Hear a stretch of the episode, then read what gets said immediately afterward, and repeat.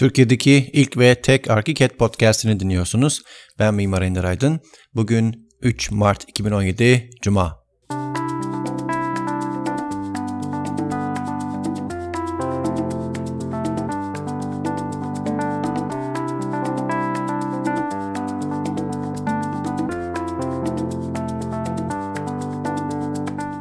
Bir başka podcast yayınıma hoş geldiniz. Bugün size ArchiCAD 20 ile birlikte gelen grafik etkin kılma işleminden bahsetmek istiyorum. Bu nedenle bu yayınım bir eğitici podcast olarak da değerlendirilebilir.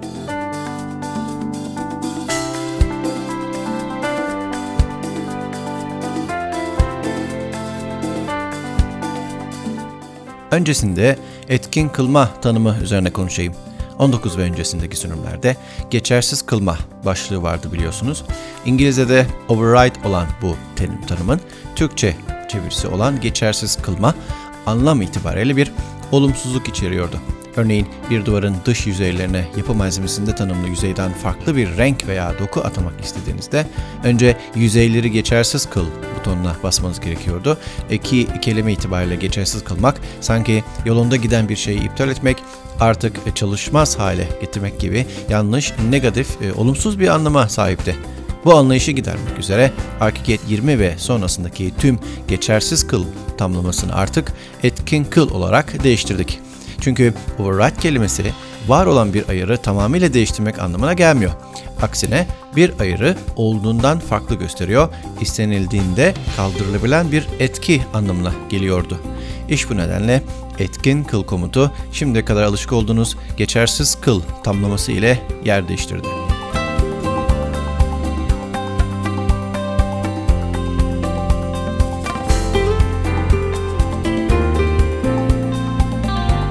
ArchiCAD'de grafik etkin kumalar aslında birer kombinasyondur. Kombinasyonlar önceden oluşturmuş olduğunuz kurallar çerçevesinde hareket ederler.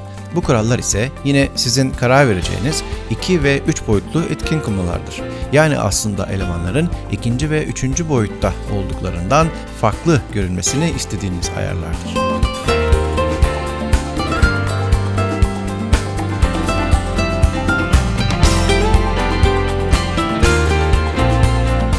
Örneğin mimari uygulama projenizde kolonlar da dahil olmak üzere diğer tüm taşıyıcı duvarları plan ve 3 boyut düzleminde tek bir etkin kılma kombinasyonuyla farklı bir gösterime almak istiyorsunuz. Bunun için önce bir etkin kılma kuralı oluşturmalısınız. Bu kural bünyesinde de ArchiCAD'in tüm kolonları ve taşıyıcı duvarları işleme tabi tutmasını istediğiniz kriteri yüklemeli.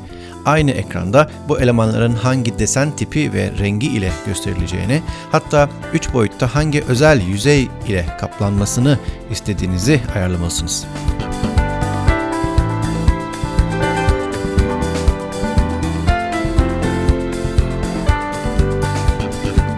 Tüm bu söylediğim kural ayarlarını belgeleme, grafik etkin kılmalar altındaki grafik etkin kılma kuralları başlığı altından düzenleyebilirsiniz.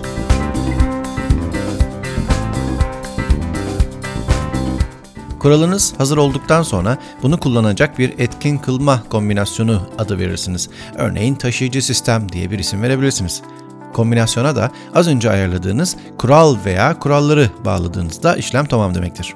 Artık plan veya 3 boyut düzleminde çalışırken ekranın en altında sıralanmış olan hızlı seçenekler arasındaki grafik etkin kılmalardan taşıyıcı sistem seçerek görünümünü değiştirebilirsiniz.